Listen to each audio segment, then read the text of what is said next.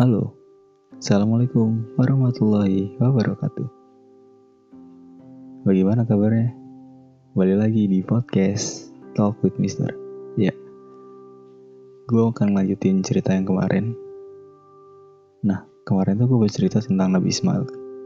Hari ini juga gue masih bakal berkutik di Nabi Ismail.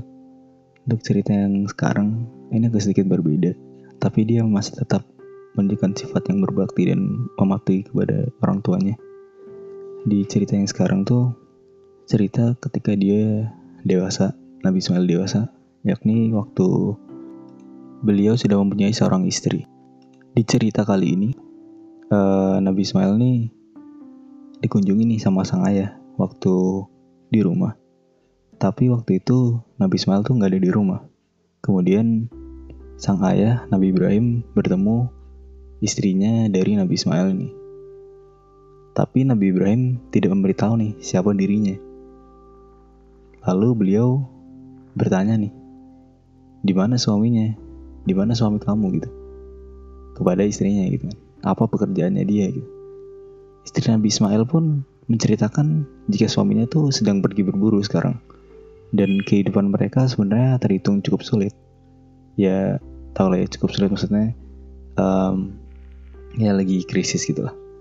Kemudian mendengar semua cerita dari istri Nabi Ismail, Nabi Ibrahim pun kemudian pergi dan menitipkan sebuah pesan kepada istri Nabi Ismail nih. Apabila suamimu datang, sampaikan kepadanya salam dariku dan katakan agar ia mengganti palang pintu rumahnya. Nah, saat Nabi Ismail sampai di rumah, istrinya pun menceritakan kedatangan Nabi Ibrahim sekaligus pesannya tersebut. Mendengar penuturan istri tersebut, Nabi Ismail pun lantas menjelaskan jika orang yang menitipkan pesan itu adalah ayahnya. Kemudian yang dimaksud palang pintu di sini adalah sang istri. Mendengar pesan tersebut, Nabi Ismail pun seketika menceraikan istrinya dengan menyuruhnya pulang ke rumah orang tuanya. Setelah menceraikan istrinya, sebagaimana yang dipesankan oleh sang ayah, Nabi Ismail pun lantas kembali menikah dengan perempuan yang berbeda. Usai Nabi Ismail menikah lagi, Nabi Ibrahim pun datang kembali ke rumahnya untuk melakukan hal yang sama. Tapi bedanya di sini, Nabi Ismail tuh diberi jawaban yang berbeda oleh ayahnya. Waktu Nabi Ibrahim datang untuk berkunjung, namun bedanya di sini, istri Nabi Ismail yang kedua itu memberikan jawaban yang lain saat didatangi oleh Nabi Ibrahim. Kemudian wanita itu mengatakan jika kehidupan mereka penuh dengan kenikmatan dan kebaikan. Mendengar penuturan dari istri Nabi Ismail yang baru ini, Nabi Ibrahim pun menitipkan pesan. Beliau meminta agar Nabi Ismail mengkokohkan palang pintunya rumahnya kali ini.